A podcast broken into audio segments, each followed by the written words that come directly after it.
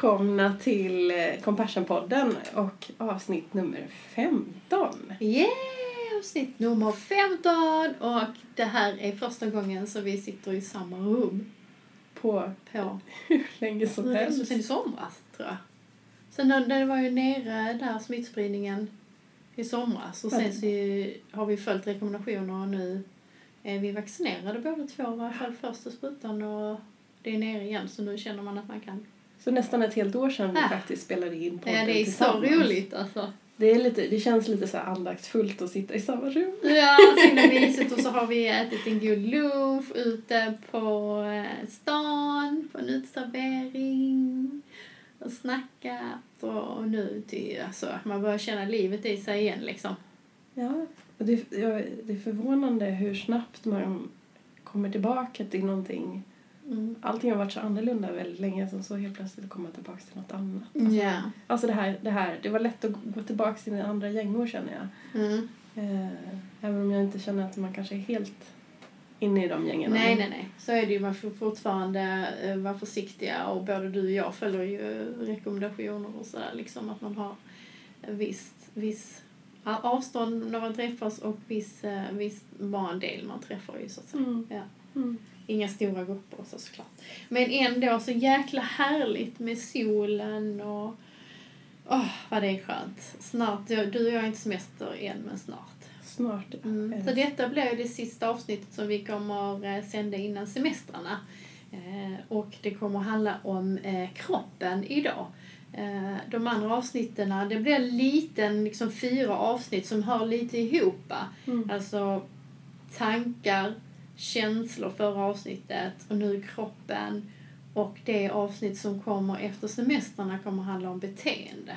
Ehm, och lite hur det hör ihop och hur man faktiskt också kan ehm, hjälpa sig själv att jobba eh, terapeutiskt men, men även liksom själv ehm, ha mental styrka och, och, och så genom att ehm, ha en förståelse för hur mina tankemönster påverkar mig, hur känslor påverkar mig, hur är kroppen inblandad i hela det och beteende liksom. Där är olika verktygslådor inom alla de fyra ju. Mm. Mm. Och, och, när vi började planera det här så tänkte jag så här, hur kan vi prata om kroppen? Alltså hur kan vi prata om kroppen när vi inte var med kroppen? Så jag blev så här lite ställd. Ja. när man jobbar med kroppen så handlar det om att jobba med kroppen. Så jag, jag, jag tänkte så här, hur, hur spelar man in en podd om kroppen?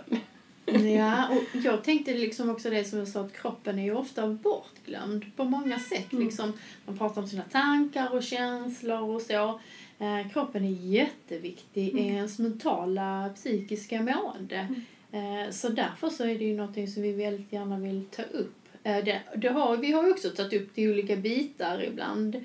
Alltså till exempel när vi pratade i avsnitt fyra om kroppens chillpill, liksom vänliga händer, och vi pratade liksom hur man kan lugna sig själv i kroppen och så i avsnitt fyra. Vagusnerven som påverkar oss när vi gör djupandning. Där är ju också övningar i på den här Mm. Eh, bland annat vänliga händer eller den här eh, rogivande andning och så. Som såklart det är ju att man reglerar kroppen för att hjälpa med känslor och tankar och så. Mm. Och även avsnitt sju var det va? Som handlar om uppmärksamhet. Där pratar vi också en del om, om kroppen. Alltså jag tänker att vi, har, vi, vi nämner nog kroppen i varje avsnitt för att det är så viktigt red, arbetsredskap tänker jag. Men, men just idag ska vi bara prata om kroppen. Mm. Ehm, och jag tänker också att vi ska prata lite om att, att det finns det man kallar både top, top up men jag vill säga top down processer och bottom up processer i Mm. kroppen. Mm. Så det jag tänker kan påverka min kropp och hur jag känner mig i kroppen. Mm. Eh, så det som pågår i huvudet kan liksom skapa någonting i mig. Om jag har katastroftankar så kan det skapa en känsla av rädsla och panik i kroppen. Mm. Men också motsatta väg, att man kan ha en bottom eh. Mm. Så hur jag känner mig i kroppen kan också påverka mina tankar. Mm. Ehm, Så till exempel, nu har jag precis hällt i mig en stor kopp kaffe. Då brukar jag få lite så påslag i kroppen. Mm. Som väldigt lätt skulle kunna, och det sker framförallt på eftermiddagen när jag dricker kaffe. Som absolut skulle kunna tolkas av min hjärna sen som ett ångestpåslag. Mm. Nu vet jag ju att det är kaffet. Men Mm. vet man inte det så skulle man absolut kunna göra den tolkningen. Mm, absolut. Så, och det är ju egentligen ett verktyg också att tänka sig att okej, okay, aha. Så mina tankar som, som vi hade i avsnittet innan här, alltså då, då hur jag jobbar med mina tankar och, och, och så kan alltså hjälpa mig fysiskt. Så. Eh, eh, eller eh, om jag reglerar min kropp och så, så kan jag reglera och hjälpa till med tankar och känslor. Alltså, precis som du sa, att det kan gå både från upp och ner mm. och ner och upp process. Liksom. Så, det kan bara det kan vara en väldigt bra insikt, liksom, mm. att förstå att om jag till exempel har smärta i kroppen så kommer det påverka mina tankamönster. Mm. Så att jag förstår det. Mm. Att nu har jag liksom väldigt mycket ont och då får jag mer hotfyllda negativa tankemönster. Hur kan jag hjälpa mig själv mm. då i det? För då blir det ju lätt en negativ spiral. Att, och det, alltså det jag beskriver nu är hela smärttriangeln. Liksom, att fysisk smärta, orokänslor, mer negativa tankar ännu mer ont i kroppen för att det stirrar upp en fysiskt liksom så. Och då får man ännu mer oroliga tankar och sen är man inne i ett smärtpåslag som är, blir värre liksom. Mm. Så det är ju jätteviktiga saker, kroppen, att ta in äh, där. Eh, och, och bli medveten om. För det jag tänkte vi pratade om känslor förra gången. Och där snuddade vi lite vid det också om att eh, varje känsla känns ju i kroppen fysiskt och har sin version. Liksom det kan, eh, om man är arg till exempel så känns det ofta som oh, det bubblar uppåt. Det känns på ett visst sätt. Eller om jag är orolig så är jag ofta spänd i kroppen. Kanske ont i magen, tryck så liksom. Eh, eller om jag är glad så kanske jag mer känner mig öppen och avspänd och liksom så här. Så, så att, att vara medveten om att varje känsla har en fysisk version är mm. jättebra information för då kan jag kanske mycket, mycket lättare också förstå vad det är jag känner. Mm. Om jag börjar bli medveten om oh, det här, så här känns liksom oro i min kropp. Mm. Då spänner jag hela min kropp. Liksom. Kan jag börja spänna av i denna situationen så kan jag faktiskt påverka min orokänsla. Men jag tänker för vissa är det här ju lite svårt, eller hur Åsa? Mm, alltså att man, man, alltså det här med att lyssna in kroppen kan kännas obehagligt. Mm. Och man kan vara lite rädd för vad, vad händer om jag gör det? Om jag börjar känna efter mm. vad det är som känns. Ja, det är kopplat till förra avsnittet också. Vi pratade om att, att, att, att, att våga möta känslor är väldigt läskigt för väldigt många människor. Mm. Och också eh, väldigt vanligt att vi gör. Vi undviker känslor, vi trycker ner känslor. Och då kan det vara ett vanligt sätt att man med hjälp av kroppen stänger ner känslor. Mm. Alltså att man biter ihop käkarna, man håller igen en andning, alltså andas ytligt. Man trycker ner känslor med liksom hålla in andningen eller att spänna kroppen. Liksom. Och om man då eh, ska börja träna på att slappna av och djupandas eller faktiskt hålla om sig själv så mm så kan det ju bubbla upp känslor och då känns det jobbigt och då bör man liksom trycka ner och stänga av kroppen igen. Så att, att, att vara stängd i kroppen eh, eh, kan ju vara ett sätt att stänga ner känslor. Mm. Mm. Och, och, och jag tänker att har vi då inte redskap heller för att reglera känslorna till exempel, då, då är det det vi gör. Alltså då spänner vi ihop kroppen så att mm. vi slipper att deala med det. Yeah.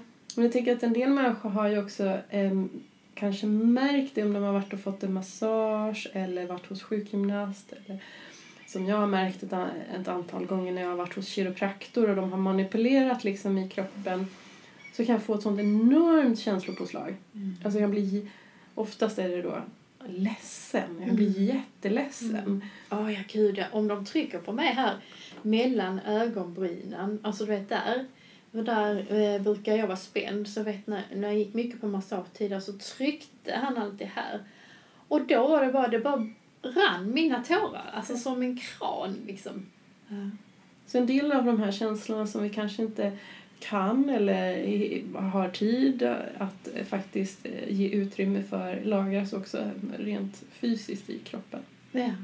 Så det är en jätteviktig bit och det är lite synd att, att vi glömmer bort kroppen så mycket mm. i det. Och, och eh, som du säger, att, att så mycket lagras fysiskt. Så. Mm. Eh, som vi har pratat om innan, stress, liksom, hur det sätter sig fysiskt i kroppen. Och, och hur, hur, hur liksom, att att, att det blir liksom nästan normalt då, liksom att man går till och så får man bara mediciner för det. Alltså att, om du tänker på en vårdcentral, både jag, du och jag jobbar på en vårdcentral och vi vet ju hur vanligt det är med de här livsstilsmedicinerna om man säger. Alltså att magproblem och högt blodtryck och ont i ryggen och spänningar och så. Hur mycket av livets olika känslor och saker man har gått igenom. Allt från trauma till stress till oro till saker och så, hur, sorg och så, hur det faktiskt kan sätta sig i kroppen. Mm. Och hur viktigt det då är just det, att våga möta.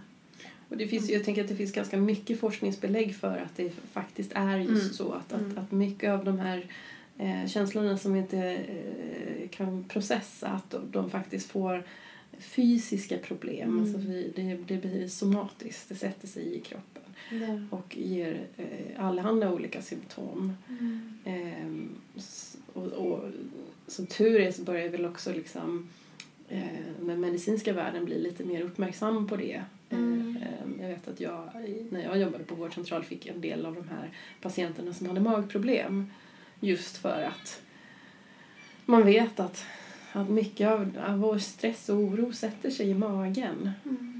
Och det påverkas i sin tur jättemycket annat, alltså näringsupptag och så vidare som mm. kan ge vidare mer stress och oro.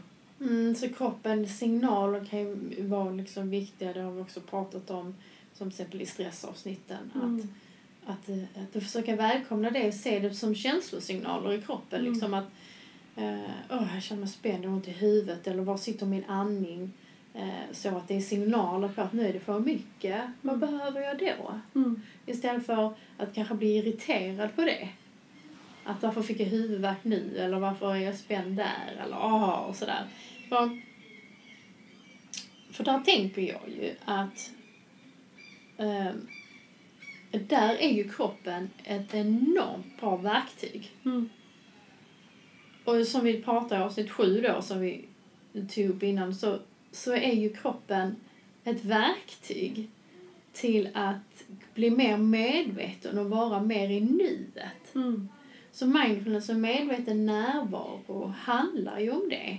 Att använda kroppen som ett verktyg för att stilla sig. Mm. Att centrera sig, att hamna i nuet, i lugnet, att här är jag här och nu. Mm. För kroppen och andningen kan ju inte vara någon annanstans. Mm. Och, och jag tänker också att, att man kan använda kroppen eh, ganska aktivt till att också förändra hur, hur jag känner mig. Alltså då jobbar man ju mer med bottom-up. Mm. Alltså jag skulle kunna sätta på lite skön musik som får mig att dansa till exempel, där jag dansar runt. Mm. Som kan ge mig en glad känsla om jag inte kände mig så glad innan. Mm. Eh, man kan eh, gå på en promenad för att ändra liksom, eh, känslostämningen eller även tankarna.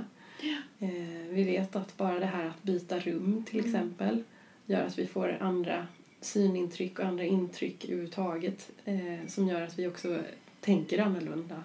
Mm. Så att bara byta ett rum till exempel, att förflytta kroppen kan vara ett sätt. Ja, alltså där, där tänker jag, ni som lyssnar nu så, att ta lite tid och fundera på hur, hur, hur, kan jag känna, hur kan jag använda min kropp? Mm. Liksom för att eh, kanske hjälpa mig själv i, i, i saker och så. Hur kan jag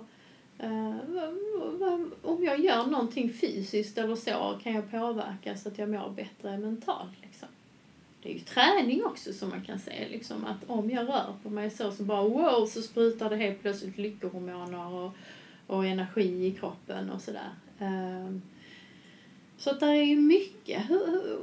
Och där tänker jag mycket, handlar ju också om att hitta sitt sätt. Mm. Um, att, men det finns ju också, alltså man, man kan ju också göra saker för att jag, menar, jag tänker om man är väldigt orolig till exempel. Små saker som man kan göra för att lugna sig själv. Alltså, mm. Alltså typ kan klapp, klappa lite på sig själv. Mm. Eh, jag brukar sitta och liksom, eh, röra i handflatorna på mig själv. Så mm. När jag känner att ja, men nu fick jag ett påslag som inte blir hjälpsamt för mig just nu för att jag behöver ha fokus på annat. Och då sitter jag så här och, och, och bara lätt mm. så här, smeker mig själv i mm. handflatan.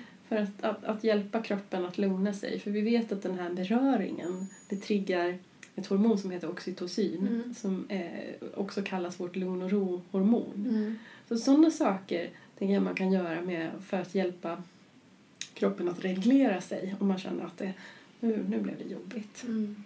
Så där är ditt verktyg att använda. Mm. Och, och också med vetskap om varför att, att tänka liksom att om jag flyr från min kropp, om jag använder min kropp för att stänga ner saker, att du kanske successivt börjar närma sig det och förstå att eh, det är därför det kan kännas jobbigt för mig att slappna av till exempel. Det är väldigt många som jag träffar som har svårt med det eh, i vår snabba värld liksom. Att, att när man börjar kanske slappna av eller när man börjar göra något, liksom ta ett varmt bad eller när man stannar upp eller tar och försöker göra mindfulness och stanna upp här och nu och känns min andning så känns det som att allting bubblar upp och man får en massa tankar och grejer som gör att man direkt liksom stänger ner igen. Mm. Så ta det i så fall stegvis eller gå en kurs eller någonting. Eller eh, om du behöver träffa en psykolog som hjälper dig där du säger att jag har otroligt svårt för att vara i min kropp. Jag vill undersöka det stegvis liksom. Så, så att, eh, Men- det kan vara på olika nivåer som vi säger också. Vi har väldigt många olika lyssnare ju så att det, det kan vara eh, olika bakgrund och olika svårigheter. Så att, men man kan också använda det, alltså för typ, vi pratar mycket om andning men man kan ju också använda själva, det liksom, och andningen är ju ett sätt att vara i kroppen. Men man kan ju också använda andra grejer till att, att liksom grunda sig själv. Om man känner så här att oh, det här med känslor blev väldigt jättejobbigt. Så skulle man till exempel kunna ja, men du vet, hålla i någonting, någonting som känns skönt i handen till exempel. Att, att få sitta och massera det om man känner oh, nu bubblar det upp och blir sådär jobbigt. Så har man bara fokus på det. Det blir en mindfulnessövning då. Mm. Som kan hjälpa att lugna igen. mm. Man kan också använda till exempel dofter, det vet jag att vi har pratat om tidigare. Mm. Som ett annat sätt att trigga liksom kroppen. Mm. Så man får dofta på någonting eller bara tänka sig en doft. kanel är en sån grej för mig. Absolut. Åh, då kan jag bli så här lugn och du vet, liksom lite julkänsla. Alltså det är, lavendel är det också många som Ja. säger eh, kan vara sån här typiskt, man kopplar ihop med massage, eh, eh, lugn liksom. Och vi vet att just den, den liksom, eh, kommunikationskanalen från doft till hjärnan är extra snabb. Så den kan vara en sån eh, jättebra hjälp om jag vet att jag behöver närma mig någonting som är jobbigt. Mm. Att faktiskt, men då har jag min lilla Mm. snuttifil som jag snuttar med, som jag doftar på till exempel. Eller, Mm. eller att jag sätter, helt enkelt sätter på någon doft. Alltså, ja, jag har någon sån aromlampa eller något sånt där. Mm. Eh, att det skulle också kunna vara en hjälp där du använder kroppen när- igen den här bottom-up-processen. för Alltså kroppen är ett jättebra verktyg helt enkelt.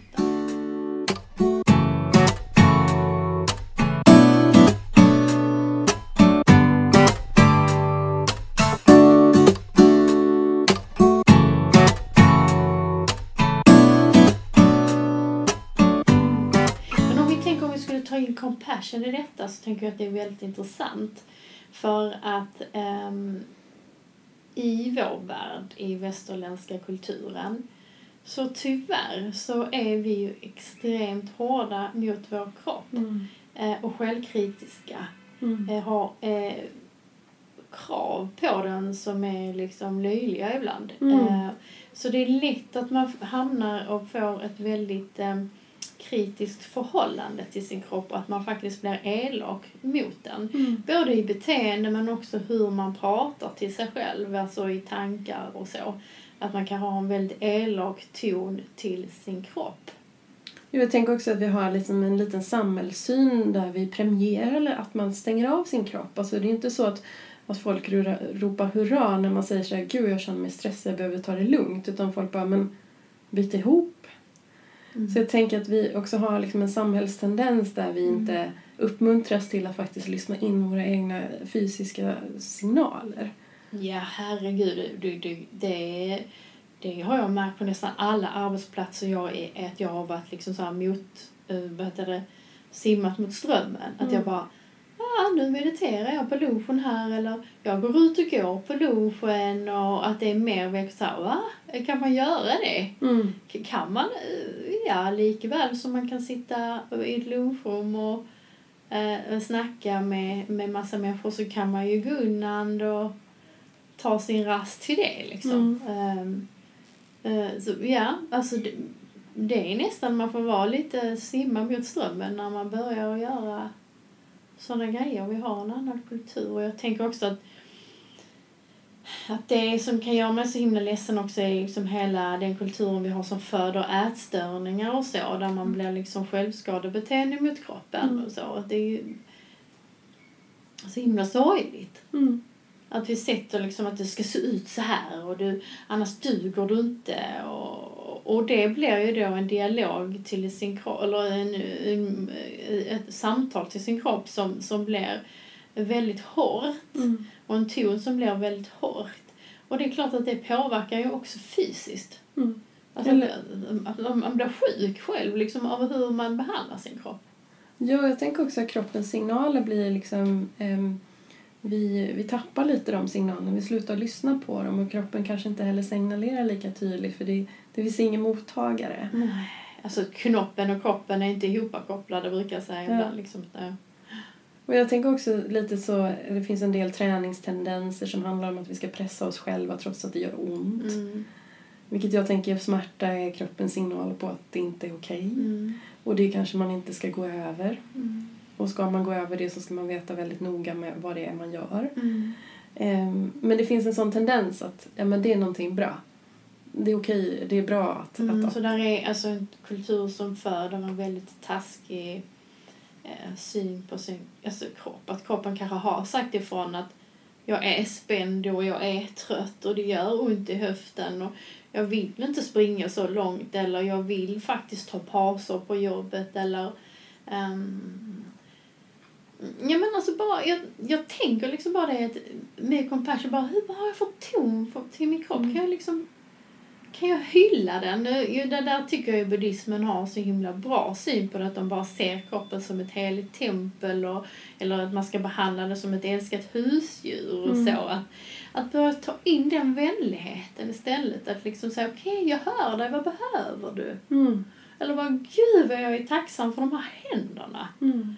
Alltså det är otroligt om man tittar på sina fingrar. Shit alltså. Alltså vad de kan hämta och fixa under hela dagen. Eller mina fötter, vad de har jobbat idag. Eller okej, okay, jag har ont i magen. Vad behöver magen då istället? Så att man kommer in i det här som vi pratade om förra gången, lugna gröna systemet istället mm. för att gå in i det röda hotsystemet. Att vad är det för fel på dig? Alla andra kan. Nu ska du springa fortare, du ska smalare, du ska se ut så här och ditten och dattan. Och jag tänker liksom att det är så otroligt viktigt för, både den fysiska men mentala hälsa. Att hur behandlar jag min kropp? Mm. Hur pratar jag till mig själv? Hur pratar jag till min kropp? Mm. Och där tänker jag också att man kan um, skapa liksom en, en um, några mer så positiva kroppsminnen också. Alltså vi kan ha många negativa kroppsminnen. Um, ja, men kanske som du säger av att, att eh, vi har sett på oss själva i, spegeln och tycker att den är ful eller något. Eh, eller att jag inte duger och sådär. Men att vi också kan börja skapa positiva kroppsminnen. Ibland uppmuntrar jag folk till att välja ut en del av kroppen som de faktiskt tycker är helt okej okay, eller som de till och med skulle tycka är lite fin. Och börja liksom skapa nya eh, vägar i hjärnan kring någonting som känns positivt kring mig själv mm. och min kropp. Eller när jag känner mig trött. Mm. Att faktiskt välkomna den tröttheten. Tack, mm. tack mm. kroppen för mm. att du så tydligt signalerar till mig att jag behöver ta det lugnt nu. Mm. Alltså ett annat förhållande sett till kroppen hade varit väldigt bra. Mm. och, och, och, om vi hade fått lära oss liksom. Det, så är det ju. Det är bara så här med ätstörningar och sånt finns ju bara i de kulturerna som är så hårda som vi är. Mm de kulturerna som har det har ju inte ätstörningar. Så att det, det är så mycket som är destruktivt mot kroppen, tänker mm. jag.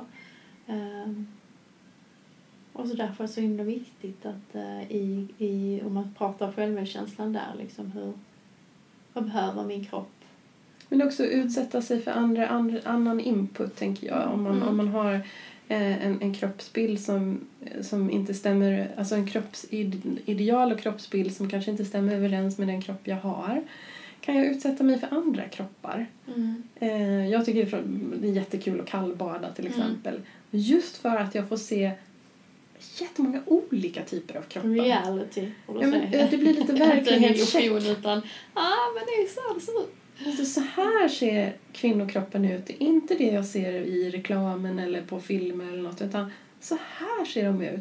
Och också få liksom vara lite i det där. Jaha, men, Mm. men jag tycker ju den kroppen är jättefin. Och den är inte alls som den kroppen som jag också tycker är jättefin. Eller, alltså att man får faktiskt va, utsätta sig för någonting annat. Igen med samma tanke att köra upp lite nya hjulspår i hjärnan.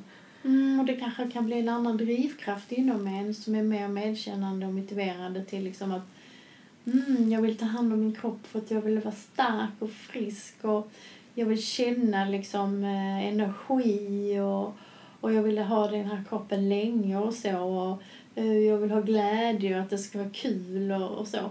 Istället för att eh, liksom piska sig själv med att eh, jag får inte, jag måste och jag får liksom inte äta det eller jag, eh, jag duger bara om jag springer på den tiden eller... Nu ska jag tukta den här fula kroppen. Då kan du kanske mer medkännande bara att sluta liksom hålla på och med ta tider på grejer eller utan bara ut och tänk, jag vill bara röra mig, jag vill känna mig stark. Alltså hitta en annan medkännande drivkraft Mm. kan faktiskt göra att man faktiskt kommer i mycket bättre form och Mm. får mycket mer energi och, Mm.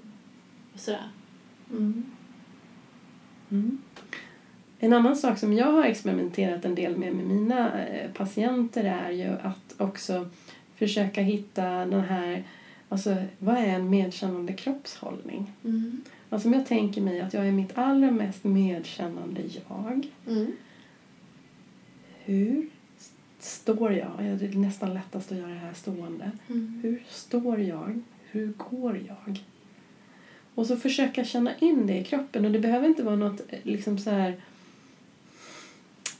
eh, Man behöver inte dramatiskt. och krama sig själv liksom. Nej, det behöver inte vara något stort och dramatiskt. För det vi vet från kroppen är att, att även så här små justeringar av, av musklerna kan faktiskt göra jättestor skillnad i hur vi känner oss. Mm.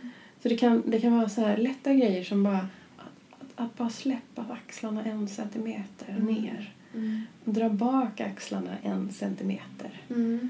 Ehm, att lyfta hakan en centimeter. Alltså vi pratar små justeringar Mm. som faktiskt gör skillnad. Så hur kan jag skapa en känsla av att jag är stadig och stabil, jag känner mig Mm. klok och Mm. vis, Mm. men ändå varm och vänlig. Mm. Så att bara genom att liksom justera lite i de rörelserna så når man också självmedkänslan. Liksom. Mm. Och när jag väl har hittat den stående positionen Mm. kan jag då gå på det här sättet Ja. en liten stund. Mm. Och det behöver ju ingen veta. Det kan man ju göra medan man lyssnar på den här podden till Ja, exempel. de små justeringarna är det ingen som ser så att jag kanske är mer avspänd eller andas mer liksom så eh, är vänlig inställd till min andning eller så. Och nu- Mm. Och när jag har gjort det i fem minuter, hur känns det då? Mm. Vad har hänt i kroppen då? Och det här är ett sätt att börja träna sig på att lyssna in. Vad gör en sån liten justering Mm. i hur jag känner mig? Mm. Så, så, för många säger så, så kommer till oss, men hur kan jag må bättre då? De vill ha en ganska snabb så. De här avsnitten som kommer nu när han har fyra har ju jättemycket olika tips inom fyra olika områden. Mm. Ja, du kan jobba med dina tankar på alla olika sätt. Du kan bli mer medveten om dina känslor och du kan liksom jobba med din eh, kropp och beteende som kommer nästa avsnitt. Mm. Så. Och där kanske man kan hitta, du som lyssnar kanske kan hitta någonting inom alla de här fyra avsnitten som du kan säga är dina verktyg. Som faktiskt kan hjälpa dig att uh, må bättre, eller ännu bättre, eh, i, i, i ditt liv. Och så stor roll spelar det inte egentligen. eh, Vilket av det man gör. Nej, utan det är ju liksom hitta det som funkar för mig. Och där tycker jag också det är jättebra som du säger så, och det älskar ju psykologer som jobbar mycket inom kognitiv beteendeterapi älskar ju experiment. Mm. Att säga, okej, kan du vara nyfiken? Om det här nu inte funkar i ditt liv, skulle du kunna pröva? Okej, vad händer om jag gör så här? Vad händer om jag börjar ha en annan, ett samtal, om jag börjar prata på ett annat sätt till min kropp, om jag börjar liksom vara kompis med min kropp? Vad händer? Och bara vara lite nyfiken. Vad händer om jag gör så här? Eller om jag testar liksom att eh, eh, ja, byta ut mina tankar eller vara mer medkännande i min ton hur jag pratar till mig eller, så, eller i, i våga börja liksom stegvis eh, peka ut mina känslor som jag tycker är svårast eller här börja ha ett annat förhållande till min kropp eller eh, börja bli medveten om det. Eh, mm. Bara testa experiment. Alltså det, jag kan lova dig att man blir paff. Vilka, eh, på, på, på, vissa sätt, eh, på vissa av dem man testat man bara wow, jag vill verkligen nå en annan känsla. Mm. Eller wow, jag blev verkligen lugn i kroppen nu när jag testat att göra detta tio gånger. Så helt plötsligt börjar min kropp göra detta själv. Alltså du vet, jag vet i en av de första avsnitten så sa jag det där liksom att när vi pratar om självmedkänsla eh, generellt, avsnitt ett. Mm. Hur, när jag hade börjat jobba mer med det, att jag helt plötsligt bara började höra liksom att jag hade, hade en annan ton till mig själv, att jag började prata så men du är älskling. Att jag bara what? Jag säger älskling till mig själv och jag kunde börja fnittra lite och så. Och det är ju det som händer när man har prövat saker.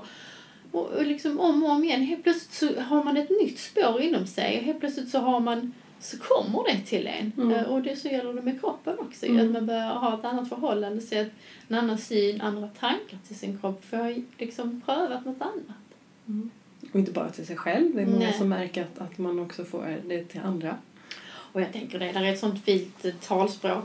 Eh, som du sa att... Eh, mm, som sa eh, att, att det var någon som någon hade skrivit så här att jag sa till min kropp att eh, jag börjar bli vänlig till min kropp och säga till min kropp att jag tycker om dig och du är liksom bra som du är och att kroppen svarade Åh, det här har jag längtat efter att höra i hela livet. Mm. Så.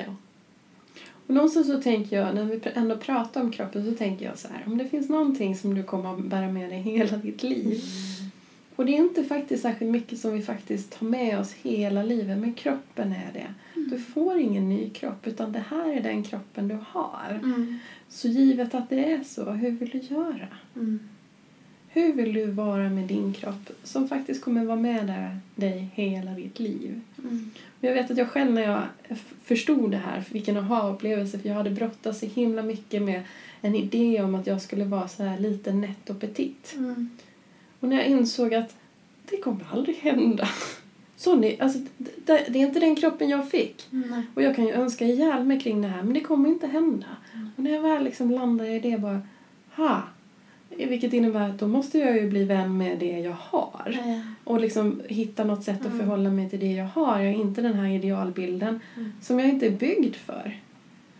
Eh, där skedde någonting, ett stort skifte i mig kring liksom mig mm. själv, medkänsla och min kropp. Mm. Ha, det är det här jag har att förhålla mig till. Mm. Och så får jag faktiskt göra det bästa av den kropp jag har. Mm. Jag kan inte kämpa emot den. Nej. Och det är ju också medkännande, tänker jag, att förstå att varför man får tankar som är kritiska mot kroppen. Liksom att man kan bemöta dem med medkännande sätt. För då tar inte de, precis som vi sa i avsnittet med tankar, att det är helt naturligt att man tänker att oh, fan vad jobbigt att jag har ont där eller kroppen är värdelös eller vad ful jag är eller vad tjock jag är eller så. Det är helt vanliga tankar att man får. Alltså kritiska tankar, det är lite hur du förhåller dig till de tankarna mm. som kommer att bli din stora skillnad. Liksom. Mm. Så. Att, um, Mm. mm. Så eh, ta hand om kroppen. ja, särskilt nu i semestertider.